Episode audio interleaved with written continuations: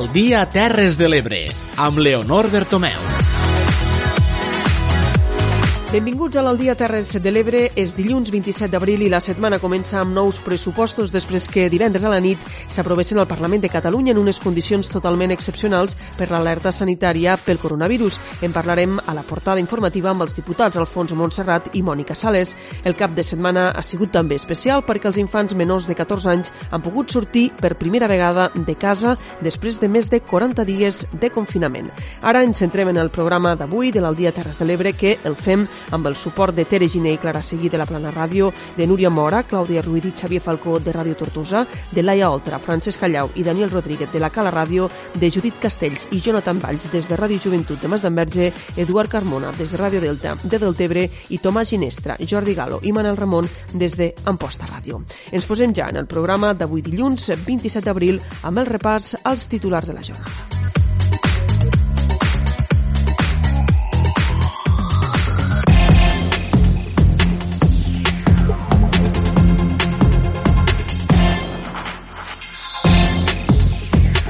El ple del Parlament de Catalunya aprovava divendres a la nit la llei de pressupostos de la Generalitat per al 2020. Els comptes suposen un augment de la despesa de 3.000 milions d'euros i, segons el govern, són un punt de partida per fer front a la crisi de la Covid-19. El Seprona i la Secretaria de Medi Ambient demanen que s'aturen les obres de rehabilitació de la barra del Trabucador per possibles irregularitats.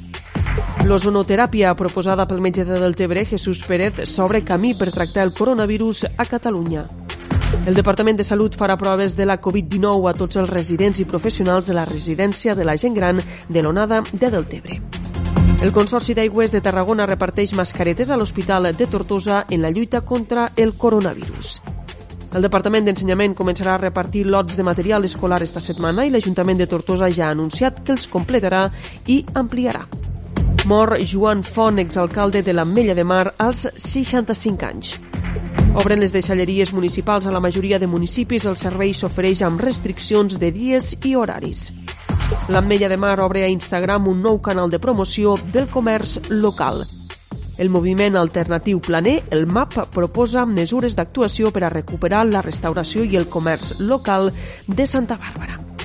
I un titular de cultura, més de 200 obres s'han presentat a la Bienal d'Art d'Amposta en una edició que hauria d'inaugurar-se el proper mes de juny. Estos són els titulars d'avui dilluns 27 d'abril. Ens posem tot seguit a ampliar tota la informació.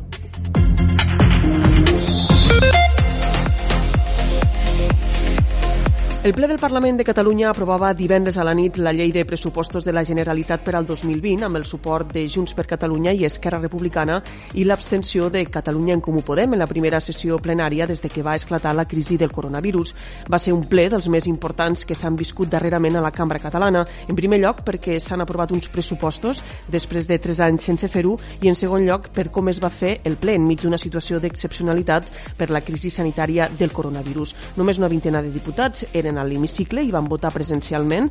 La resta, uns 25, els de Junts per Catalunya van poder-ho fer telemàticament per primer cop a la història de la cambra i la resta van optar per delegar el vot en membres dels seus grups parlamentaris.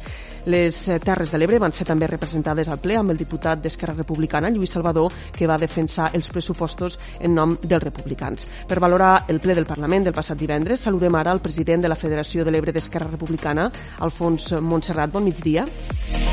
Hola, bon migdia. Gràcies.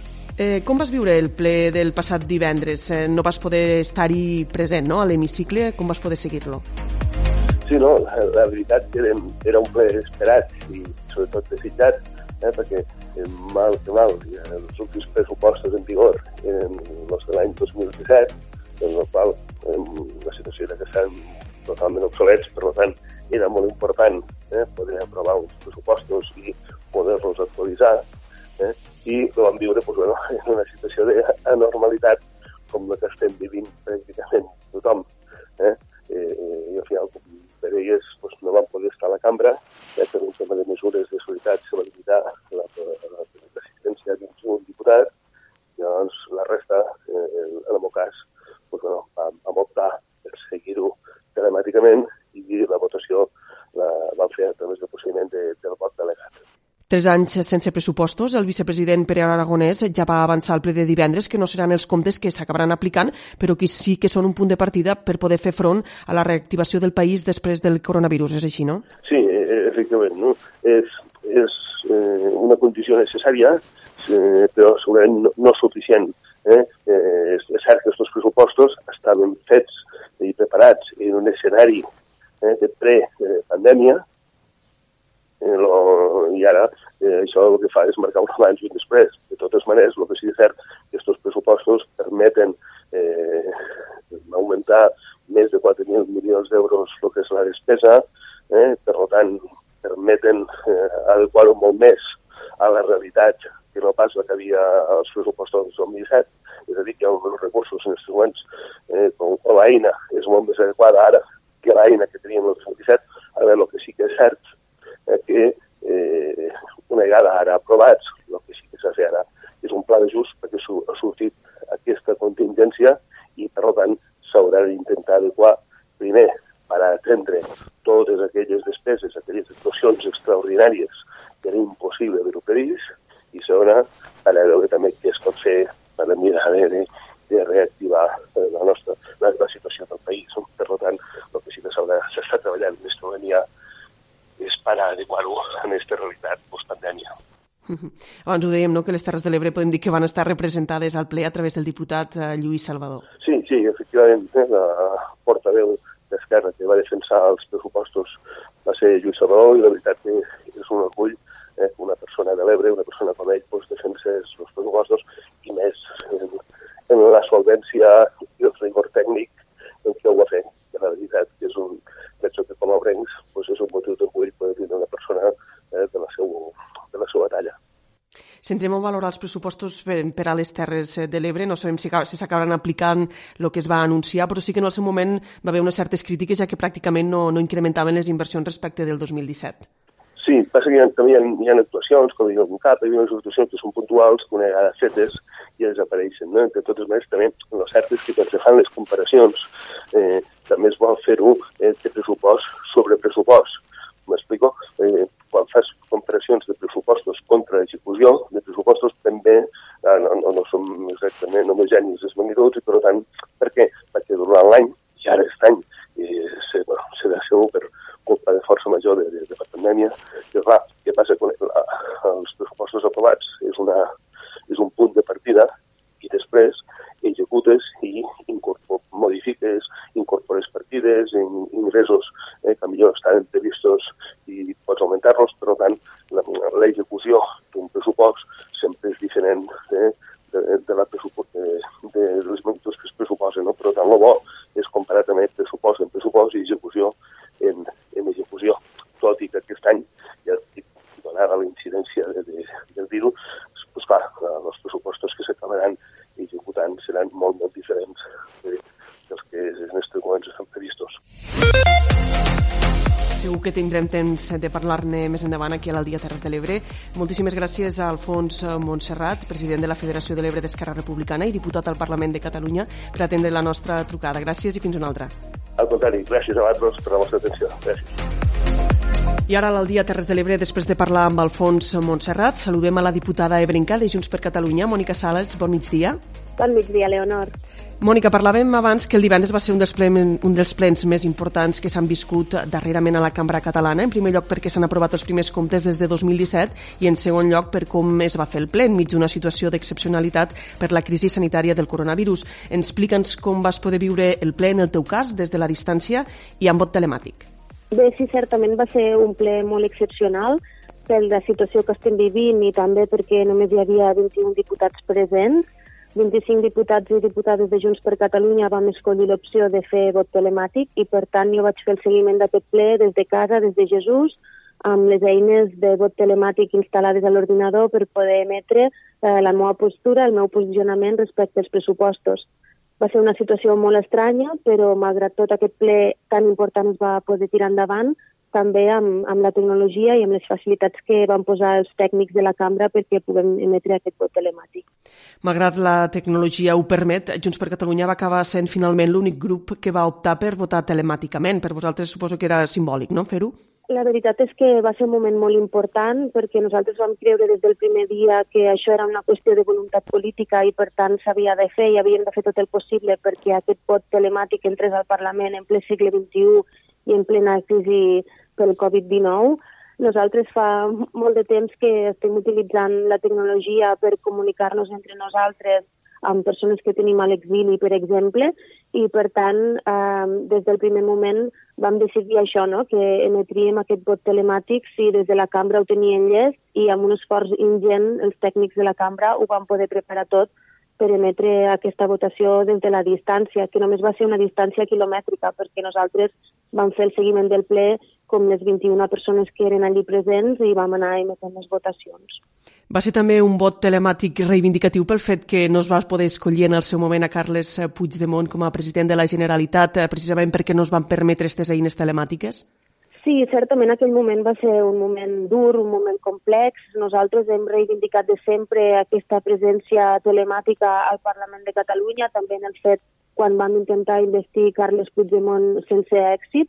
De tota manera, també eh, val a dir que aquesta ombra de la no investidura del president Carles Puigdemont ha retornat aquests dies. Hi havia grups que tenien temor no? que això pogués permetre aquesta investidura. Cal dir que el president Puigdemont ja no és diputat a la cambra catalana i, per tant, l'únic objectiu que tenien des de Junts per Catalunya en aquest moment era poder votar els pressupostos, uns pressupostos molt necessaris en una situació de pandèmia i, per tant, poder-ho fer eh, cadascú nosaltres eh, de manera presencial, presencial personal, perdó, perquè certament és veritat que hi va haver gent que va delegar el vot, però amb aquest treball inesgotable de la gent, dels tècnics del Parlament i també amb la nostra voluntat política va ser possible que nosaltres poguéssim emetre aquest vot des de casa. Parlem ara d'aquests pressupostos, ho dèiem abans, eh, són els primers comptes des del 2017, malgrat els que es van aprovar no seran els que s'acabaran aplicant perquè ja ho va dir el govern, no? són només un punt de partida per fer front a tota la crisi sanitària del coronavirus. Sí, el més important és que ara tenim aquests comptes posats al dia, els tenim aprovats, eh, hem deixat aquesta pròrroga pressupostària de 2017, però el que també està clar i tenim tots presents és que amb aquests pressupostos, eh, tal com estan dissenyats, eh, no n'hi ha prou per aturar aquesta crisi que ve eh, desenvolupada a partir del, del Covid-19. Per tant, ara cal que ens resituem, cal que cada departament establisca les seues prioritats, que s'emeta un pla de xoc eh, tenint en compte l'estat del benestar i la recuperació econòmica per tal de poder tirar endavant el nostre país. Eh, era necessari aprovar-los, els tenim aprovats i a partir d'aquí, a partir d'aquest pacte i d'aquest acord per tirar endavant els pressupostos, cal continuar treballant per reorientar les inversions per fer front a aquesta crisi del Covid-19. Uns pressupostos també necessaris per a les Terres de l'Ebre, no? Sí, són necessaris per al país i, evidentment, en, en clau ebrenca també, tot i que ara caldrà veure de quina manera se reorienten a aquestes inversions i, per tant, de quina manera entre totes i tots podem fer front a aquesta crisi, però certament també molt necessaris per a les Terres de l'Ebre. Mònica Sales, diputada de Junts per Catalunya al Parlament, moltíssimes gràcies per atendre la trucada de l'Aldia Terres de l'Ebre i fins una altra. Moltes gràcies a vosaltres, una abraçada.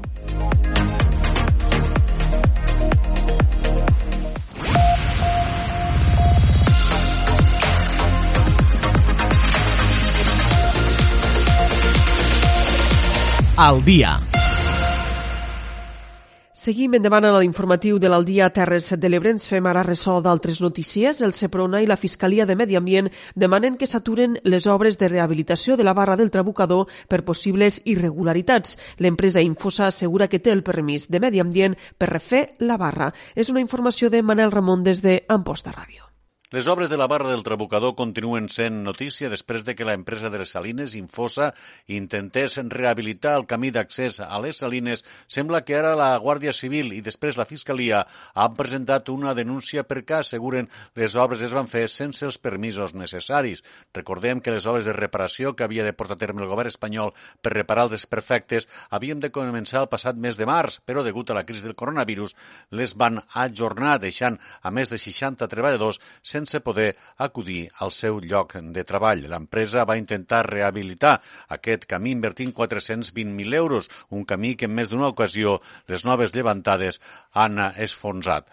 Durant una inspecció realitzada pel Servei de Protecció de la Natura, el Seprona de la Guàrdia Civil van detectar suposades irregularitats en els treballs, com ara agafar eh, milers de metres cúbics de sorra d'un indret sense tenir la pertinent autorització, tenint en compte que es tracta d'un parc natural, zona protegida d'aus, perquè allí nidifiquen. Fons de l'administració central han apuntat que Costes tenia coneixement dels treballs i va detectar que es feien malament a l'hora de treure la sorra. Després de confeccionar un informe sobre com s'havien de fer, l'empresa ho va realitzar correctament. També l'empresa ha afegit que tenen permís eh, del Departament de Medi Ambient de la Generalitat per tal de realitzar aquests moviments de sorra per tal de rehabilitar aquest eh, camí. De moment s'ha demanat la incoació d'un procediment penal i aturada cautelar de les obres fins saber si tenen algun tipus de control o autorització. L'ozonoteràpia, com a tractament per al coronavirus, està sobre la taula a la clínica Tecnon de Barcelona. De fet, el coordinador d'anestèsia obstetrícia i director de l'Institut de Medicina Regenerativa de Deltebre, Jesús Pérez, ha presentat un protocol per actuar en els diferents estadis de la malaltia. Ens informa Judit Castells des de Ràdio Joventut. El 10 d'abril se va donar d'alta en un hospital d'Eivissa el primer pacient amb Covid-19 tractat amb ozonoteràpia i el govern de les Illes Balears està estudiant ara estendre la teràpia. Fins ara aplicat sovint pel tractament del dolor, s'està demostrant efectiu també en hospitals d'Itàlia. El tractament complementari aplicat amb diferents sessions via intravenosa evita la intubació i té efectes antiinflamatoris. La seva aplicació està ara sobre la taula a la clínica Tecnon de Barcelona on el coordinador d'anestèsia obstetricia i director de l'Institut de Medicina Medicina Regenerativa de Deltebre, Jesús Pérez, ha presentat un protocol per actuar en els diferents estadis de la malaltia. Tenint en compte que el virus acaba amb un 50% de pacients que ingressen a l'UCI, Pérez demana accelerar els processos per al seu ús com a tractament coajudant amb el vistiplau de les direccions mèdiques dels centres. Si tenim en compte que estem en fase d'emergència sanitària, si tenim en compte que és un producte que no té cap efecte secundari, llavors per què no deixem una mica de banda l'ortodoxia jo entenc que si es fa un assaig amb un medicament, a una, amb, amb condicions normals i fora d'una pandèmia, sí que hem de seguir, hem de passar una sèrie de comitès d'ètica, etc etc. Però ara estem parlant d'una situació de pandèmia on estan morint moltes persones i ara estem parlant d'un producte sanitari reconegut per l'Agència Europea del Medicament i Productes Sanitaris i autoritzat per fer assajos clínics. Els protocols habituals, les combinacions diferents de fàrmacs no acaben de funcionar. Aquí estan les xifres que sortiu cada dia als mitjans de comunicació. Per tant, insisteixo, si és un tractament amb que no té efecte secundari, doncs afegim-ho a, a la teràpia. Com a tractament preventiu, Pérez ja ha tractat amb ozonoteràpia més d'un centenar de companys de professió. Defensa que, casualitat o no, no ha donat ningú positiu. Davant de futurs rebrots de la malaltia, recomana vida sana i preparar el sistema immunològic. Sabem que hi ha, hi ha una manera de, de, de, de reforçar-ho, no? que és una cosa molt senzilla, és la vitamina C i la vitamina D, D, perquè tenen un paper molt important al sistema immunològic. La vitamina C és un antioxidant molt potent, molt potent, molt potent, i també té el seu paper al sistema immunològic. La vitamina D, a banda que controla tot el metabolisme del calç, el calç en, en, en el nostre cos també té un paper en el sistema immunològic. Llavors jo que el que cal fer de cara, de cara a la propera tardor és preparar-se, cuidar-se molt, fer una bona alimentació, i ja està bé, no? Eh, per aquesta vitamina B doncs pren el sol, tampoc mitja hora cada dia més allà no cal anar, i la vitamina C no la podem sintetitzar ni l'altra que prendre de fora, per qual cosa doncs la una dosi generosa de vitamina C. Des de Barcelona, Pérez ha combatut el coronavirus des de primera línia. Passades les setmanes més dures, creu que el sistema sanitari ha respost bé i la unificació de la xarxa privada i pública ha sigut, diu, admirable. El Departament de Salut farà proves de la Covid-19 a tots els residents i professionals de la residència de la gent gran de l'onada de Deltebre. Malgrat totes les proves realitzades fins ara han donat negatiu, l'Ajuntament ha rebut la comunicació per part de Salut que es faran testos generalitzats a tots els usuaris i professionals de la residència de gent gran de Deltebre. L'alcalde Lluís Soler, en el vídeo institucional que realitza tots els diumenges, ha valorat positivament la notícia i recalca que, malgrat no hi ha hagut cap positiu per la Covid-19, hi ha una sèrie de casos no concloents que s'hauran de repetir. Des del Departament de Salut de la Generalitat ens han informat que farien testos a tots els professionals i a tots els residents de la residència de la gent gran eh, de la onada de Deltebre. En qualsevol cas, eh, la informació que tenim a hores d'ara és que tots els testos han sortit eh, negatius eh, i que eh, en alguns casos eh, han sortit no concloents i que s'hauran de repetir. Des del decret de l'estat d'alarma pel coronavirus, la residència a l'Onada de Deltebre ha deixat de prestar el servei de centre de dia i ha restringit la visita de familiars i l'accés de persones de l'exterior per a evitar risc de contagis. Seguim parlant de qüestions relacionades amb la crisi del coronavirus. El Consorci d'Aigües de Tarragona ha distribuït mascaretes a sis centres hospitalaris de la demarcació de Tarragona, entre ells l'Hospital Verge de la Cinta de Tortosa. Es tracta d'un model de màxima filtració destinat al personal sanitari que treballa a les unitats de cures intensives. Ens ho explica Judit Castells.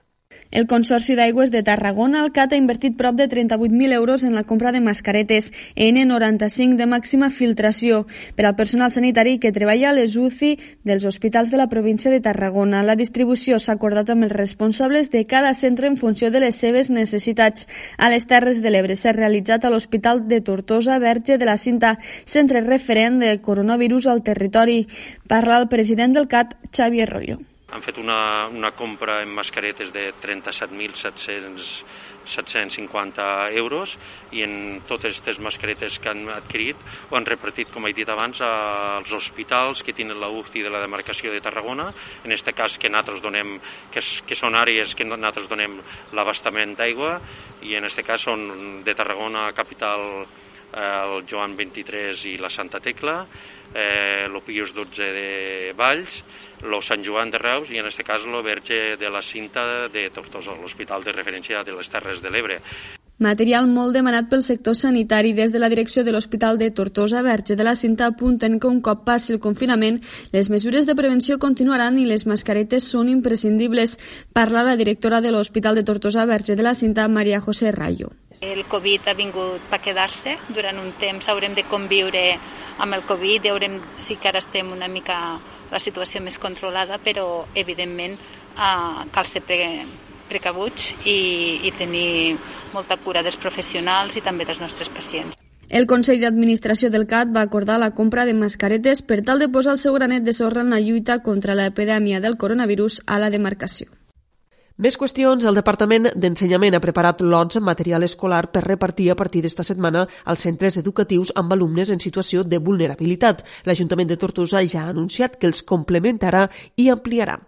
Té tots els detalls. Clàudia Ruiz des de Ràdio Tortosa.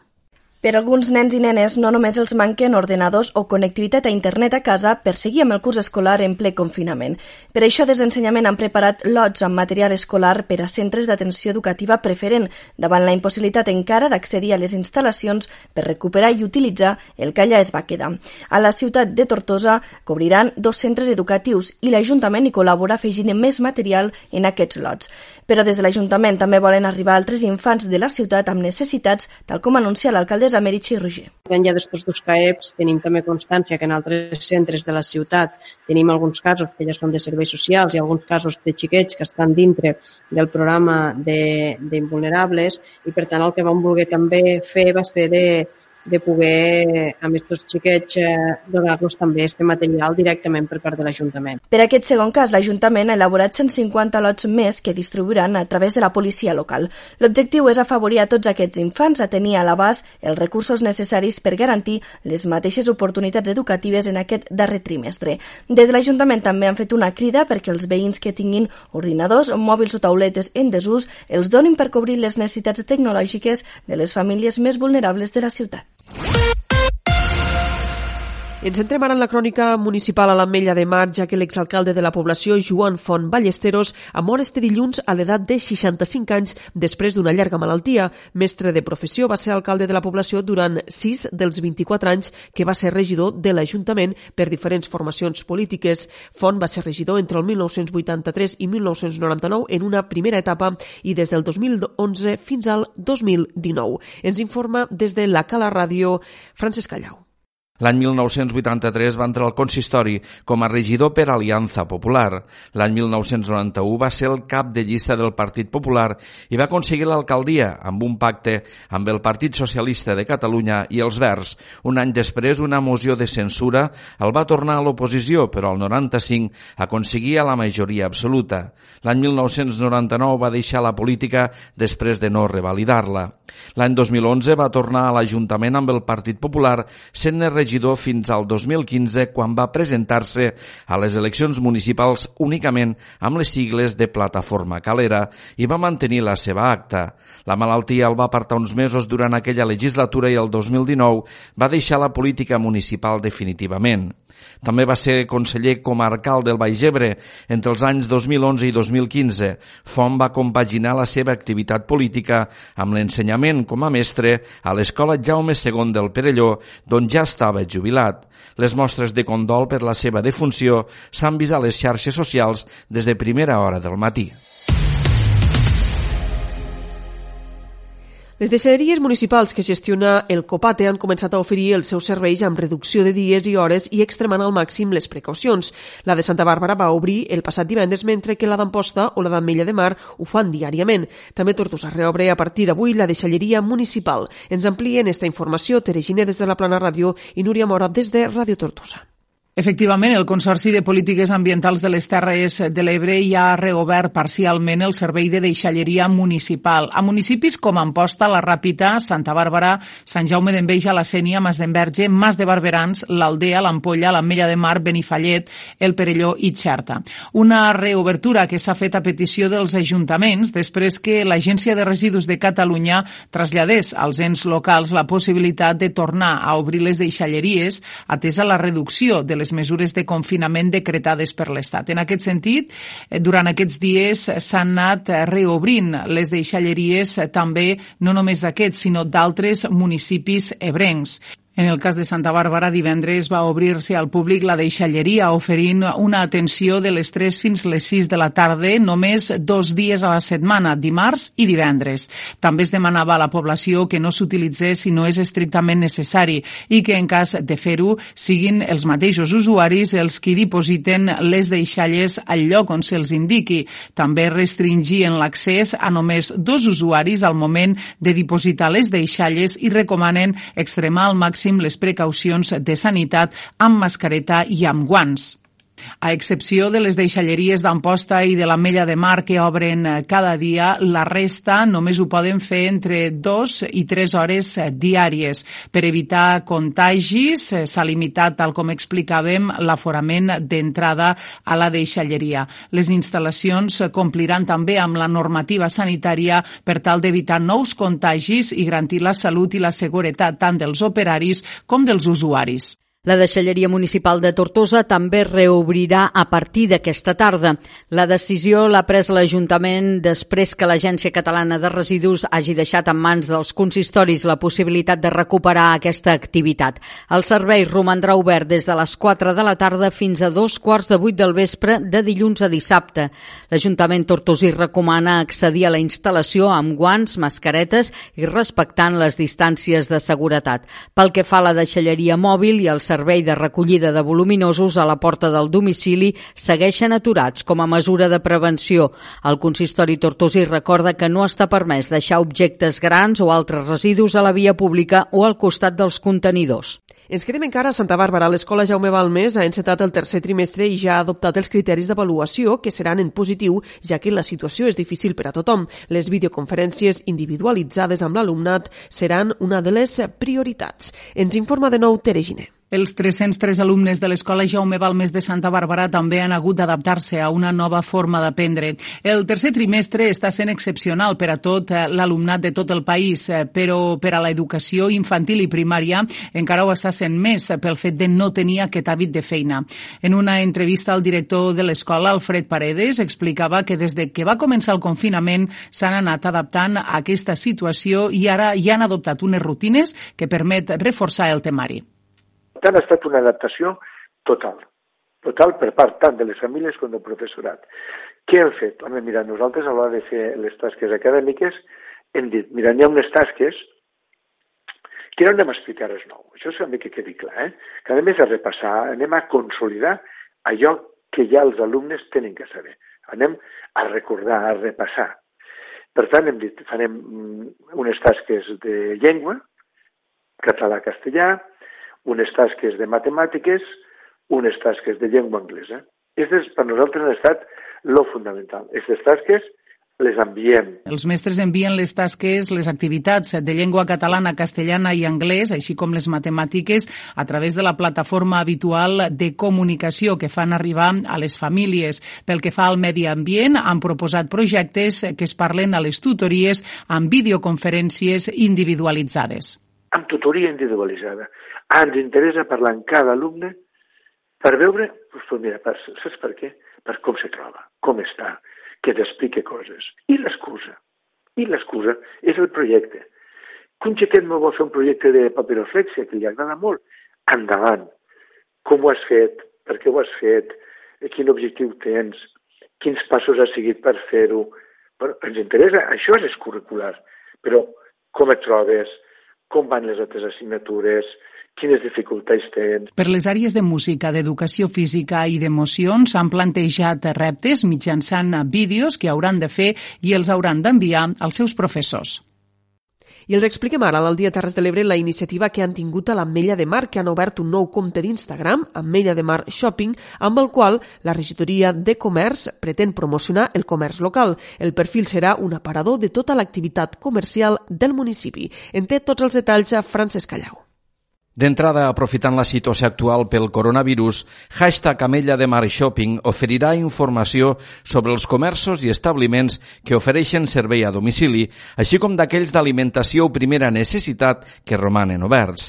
Maite Boquera és la regidora de Comerç. Hem obert aquest nou canal per tal de promocionar i activar el comerç local i a la vegada fer difusió de totes les iniciatives, ofertes, promocions que el comerç local faci des dels seus establiments per donar a conèixer no? i aprofitar aquesta eina d'Instagram per tenir més visibilitat. Aquesta iniciativa reforça el compromís del govern local per incentivar i promoure les compres als comerços de proximitat. De fet, al llistat de la xarxa de comerços publicat fa unes setmanes s'hi afegirà un pròximament de bars i restaurants que oferiran menjar per emportar o a domicili. En la crònica local de Santa Bàrbara els expliquem ara que el moviment alternatiu Planer, el MAP, ha comunicat una sèrie de mesures per a la recuperació de la restauració i el comerç local de Santa Bàrbara. Entre estes, un estudi per condonar impostos o reduir-los al comerç local i a la restauració. Ens informa de nou Teregine. Segons explicava el moviment alternatiu Planer, el comerç i la restauració és molt important per al Producte Interior Brut de Santa Bàrbara. La crisi sanitària i la cancel·lació de les festivitats repercutirà molt negativament. Eh, D'aquesta manera, és per això que el moviment alternatiu Planer ha comunicat la possibilitat d'aplicar unes propostes encarades al comerç i a la restauració. Segons Isabel Garcia, la cap de llista del MAP, afirmava que no volen deixar de banda la resta de sectors, però aquest col·lectiu s'hauria de potenciar més. Escoltem-la perquè, a veure, el comerç de Santa Bàrbara i la restauració és, és una part molt important del PIB d'aquí de, la, de la nostra població i cre, creiem que és un sector molt, molt afectat per, per la pandèmia. Llavors, a veure, ens vam reunir, vam pensar, podem, podem fer una sèrie de mesures, unes propostes d'actuació, per aplicar, per a que, bueno, intentar donar una miqueta d'oxigen a, a aquests petits autònoms i empreses que, que realment estan al poble, que són uns, uns dels més afectats, simplement perquè han tingut que tancar, entre d'altres propostes, eh, demana estudiar la condonació o rebaixa de diversos impostos i taxes. Sí, nosaltres fem unes propostes, eh, a veure, la, mm, encarades sempre al comerç i restauració.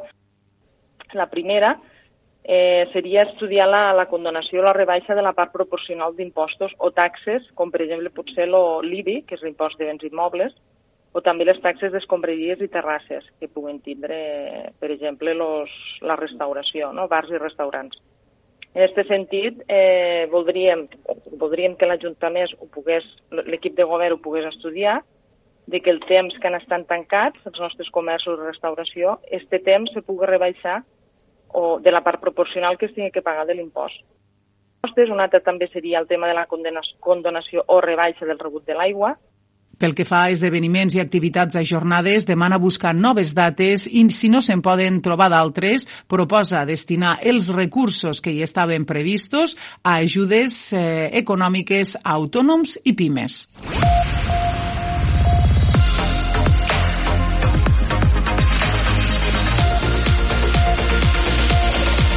Al dia. Temps ara per a la informació cultural a l'Aldia Terres de l'Ebre. Més de 200 obres s'han presentat a la Bienal d'Art d'Amposta en una edició que havia d'inaugurar-se el proper mes de juny. A més, des del Centre d'Art Lopati es recorda també que es pot visitar online l'exposició d'Isaki La Cuesta Jo sóc allò prohibit. Ens ho explica tot plegat Manel Ramon des d'Amposta Ràdio.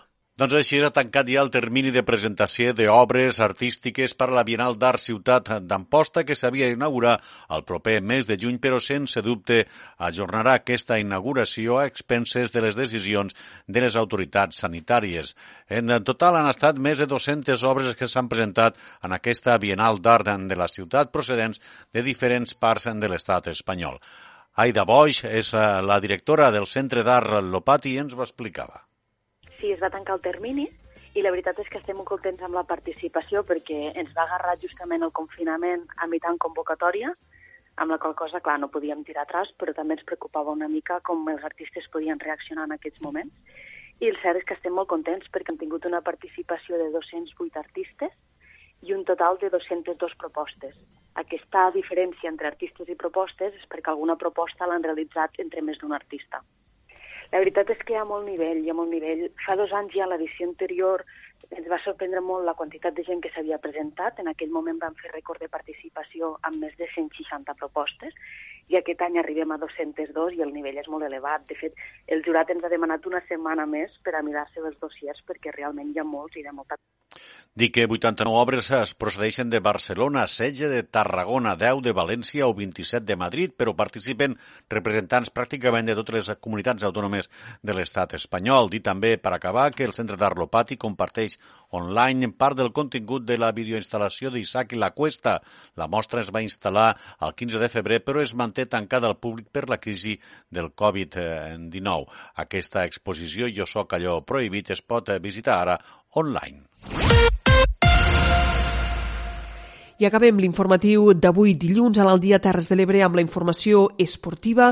El secretari general de l'Esport, Gerard Figueres, va mantindre divendres una reunió telemàtica amb el sector esportiu de les Terres de l'Ebre, en la qual hi van participar 75 representants de diferents entitats, clubs, regidories, federacions i consells esportius del territori. Té tota la informació Vicky Meixi des de Ràdio Tortosa. La reunió va servir per tractar i debatre les problemàtiques sorgides arran de la pandèmia de la Covid-19 en el sector esportiu.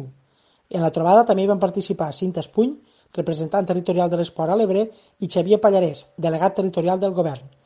Figueres va explicar que han creat un pla de xoc treballat en un document únic, el Pla Nacional per a la Reactivació de l'Esport i l'Activitat Física a Catalunya, i que s'està treballant en quatre fases de desconfinament progressiu, a expenses de l'evolució de la pandèmia.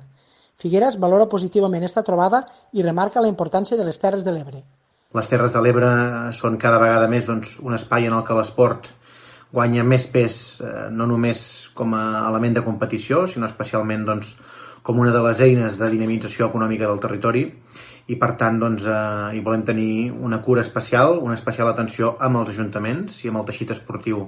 I per això aquesta trobada que ha estat la primera mirarem de poder-la repetir tant durant el temps que pugui continuar doncs, aquest confinament i aquest estat d'alarma, com també doncs, a mesura que puguem anar d'una manera progressiva anant retornant a la pràctica d'activitat física i esport per tal que això ho fem de la manera més coordinada possible i sobretot que donem seguretat. El secretari general va demanar a clubs, entitats i federacions que tenint en compte les consideracions del govern elaboren el seu propi pla de desconfinament. A més, va explicar que extraordinàriament s'ampliarà la subvenció d'impacte perquè bona part d'entitats i clubs puguen accedir a aquesta línia d'ajuts, a més de prendre mesures extraordinàries, així com línies de finançament per a oferir liquiditat a les empreses i entitats del sector esportiu.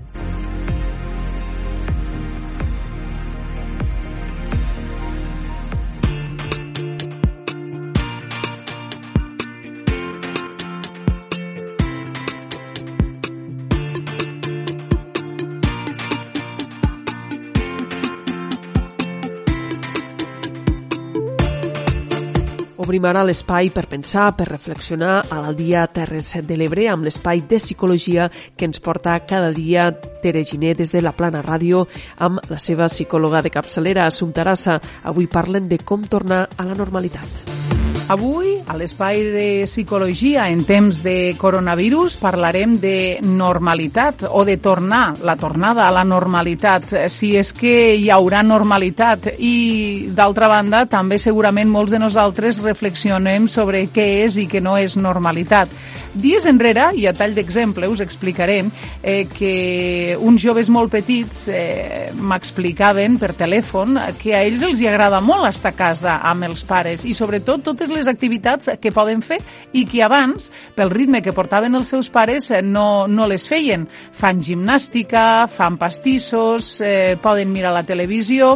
Per lo tant, la normalitat eh, per a uns no sé si és la mateixa que per a uns altres. Assumpta Arassa és psicòloga general sanitària i la tenim, com és habitual, a aquesta hora per via telefònica. Benvinguda, Assumpta, molt bon dia. Hola, bon dia. Eh, aquesta és una reflexió que hauríem de fer, no? Eh, parlem, i aquests dies ho veiem a la, als mitjans de comunicació, eh, pronte els nens, eh, sempre amb l'acompanyament la, d'una persona adulta, possiblement podran sortir eh, en unes hores determinades. Eh, sembla ser que poquet a poquet hem d'intentar tornar a la normalitat. Però què és la normalitat, Assumpta?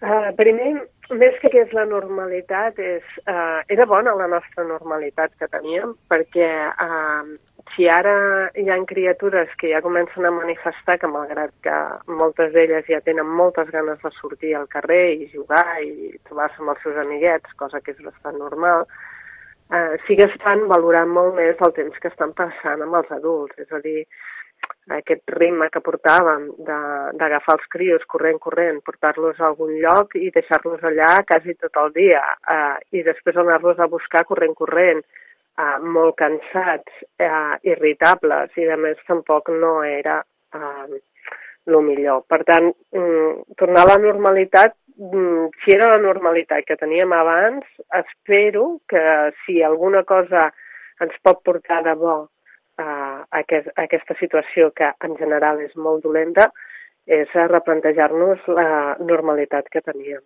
eh, una normalitat que teníem que feia, per exemple, entre d'altres coses que podrem eh, comentar, que, que realitzéssim moltes compres compulsives. És molt curiós, no?, perquè ara fa, com aquell que diu, més i mig que, que estem a casa i no tenim aquesta necessitat eh, d'anar a comprar molts articles que, que, que mm, eh, fa uns quants mesos pues, ho, ho portàvem, no? Anàvem a comprar aquí, anàvem a comprar allà. Ara eh, s'ha reduït aquestes compres a, a aliments de primera necessitat i segurament que moltes cases es plantegen si totes les altres compres que feien eren o no eren necessàries. Sí, uh, havíem entrat en una voràgina uh, a veure, um, com a psicòleg, perquè com, com a activista social ho podria dir d'una altra manera. Em sents? Sí, sí, sí, et sento perfectament. Vale, vale. És que sento un pip-pip. Doncs, bueno, um, uh, la voràgina eh, que compràvem moltes vegades era per tapar una mena de malestar que les persones teníem. De fet, els psicòlegs eh, teníem les consultes plenes de gent amb problemes de, amb trastorns d'ansietat i trastorns d'ansietat seriosos. Per això penso que, que bueno, intentar suplir aquests buits a través d'omplir estanteries, omplir armaris, eh, vaig llegir un article que de mitja eh, els, els jerseis aquests, els t-shirts d'estiu, eh, els, porté, els portaven de mitja tres dies. O sigui, clar, eh, com, nosaltres ens podem permetre comprar una samarrateta d'aquestes i llançar-la, perquè no ens suposava massa despesa. La pregunta és, s'ho podia permetre al, medi ambient? O sigui, crear el cotó, eh, els tenins, eh, la contaminació de la producció perquè nosaltres després l'utilitzéssim tres dies. És a dir, aquí hi ha hagut una mica un, una voràgina de tot i, i no és perquè nosaltres hàgim sigut mm, tampoc tan desorganitzats, sinó perquè eh, tenim això, no? aquest rum-rum, aquest malestar d'haver de, de fer moltes coses i portar com una ansietat al damunt que una de les coses amb les que supleix és amb el menjar compulsiu, que ja en vam parlar ahir, i l'altre amb aquestes compres compulsives. Uh -huh. Un altre tema que surt al descobert eh, durant aquests dies són els problemes ecològics que teníem i que també ho hem abordat, no? aquesta contaminació de, de les grans ciutats. Eh, curiós, durant tot aquest mes d'abril feia anys que no teníem tantes pluges i que ara eh, ens fan també reflexionar sobre, sobre tots aquests problemes ecològics i, i mediambientals que, que tenim, com, eh, també com, com ha disminuït el tema de, de, de la contaminació, no? Sí, jo crec que aquí serà molt important que les persones, perquè si ho deixem a mans de, del capital, mm, és a dir, de les empreses, eh, de les grans empreses productores, eh, perquè no estic parlant del petit comerç eh, de proximitat, sinó de les grans empreses productores, en seguida ens voldran que tornem a aquella roda de molí que hi estàvem. Però potser, com nosaltres, mm, com a societat, hauríem d'intentar eh, crear diàlegs per veure que realment què és el que volem no? I, i què és el que ens aporta a nosaltres benestar, perquè estic segura que ja, malgrat tot, eh, i malgrat que està sent molt difícil i que ja comença a ser complicat això de no poder sortir i relacionar-nos pell en pell amb la, amb la gent, no? Eh, sí que és veritat que molta gent recordarà l'únic que ha sigut aquella conversa amb el, seu, amb el seu pare o amb la seva mare o aquella activitat plaent que ha fet amb els fills no? i que s'estava perdent, o sigui, s'estava perdent per la rapidesa de, de, del moment. No? Uh -huh. Això ens porta a parlar també de, de la manera en la que molts actualment estan treballant. Aquest teletreball que permet combinar-te les hores, estar més estona amb els teus fills, estar tots junts a casa eh, i, que, i que també es valora, a més a més, ja no diguéssim, del tenir que sortir, agafar el vehicle, desplaçar-se d'un lloc a un altre... Sí, jo me'n recordo quan jo vivia a Holanda, que d'això ara ja fa 20 anys, però em recordo que en allà la jornada laboral màxima, eh, bàsicament la màxima eren 36 hores, però lo, realment lo, la jornada laboral màxima que era per mig la que s'establia era de 32 hores eh, setmanals.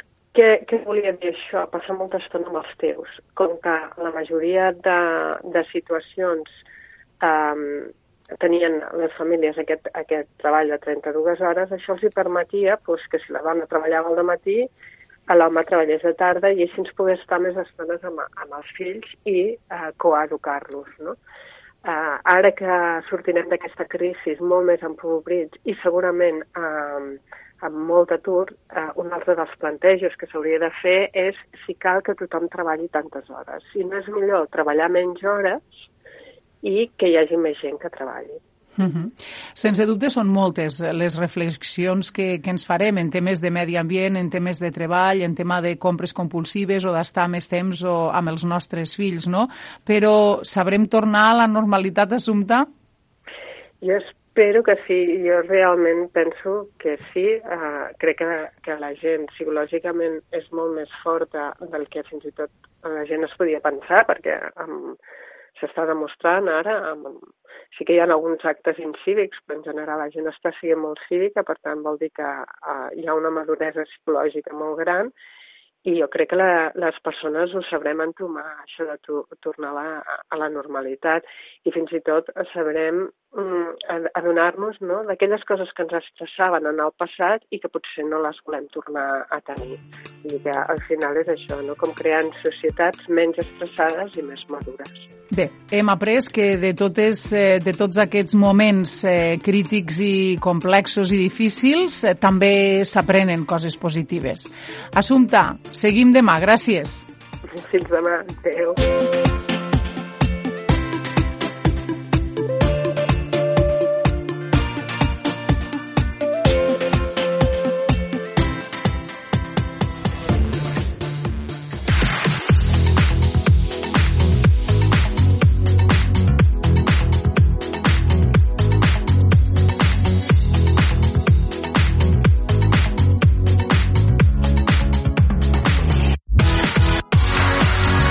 Fins aquí l'Al Dia Terres de l'Ebre d'avui dilluns 27 d'abril, un programa que l'han fet, com sempre, amb el suport d'Amposta Ràdio, Ràdio Delta, Ràdio Joventut, La Cala Ràdio, Ràdio Tortosa i La Plana Ràdio.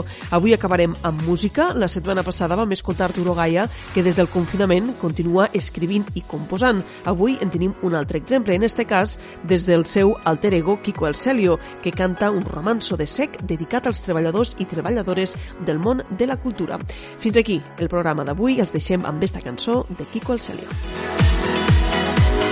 de música i teatre, de circ, titelles i dansa, de poesia i cinema, jo vos canto en esperança.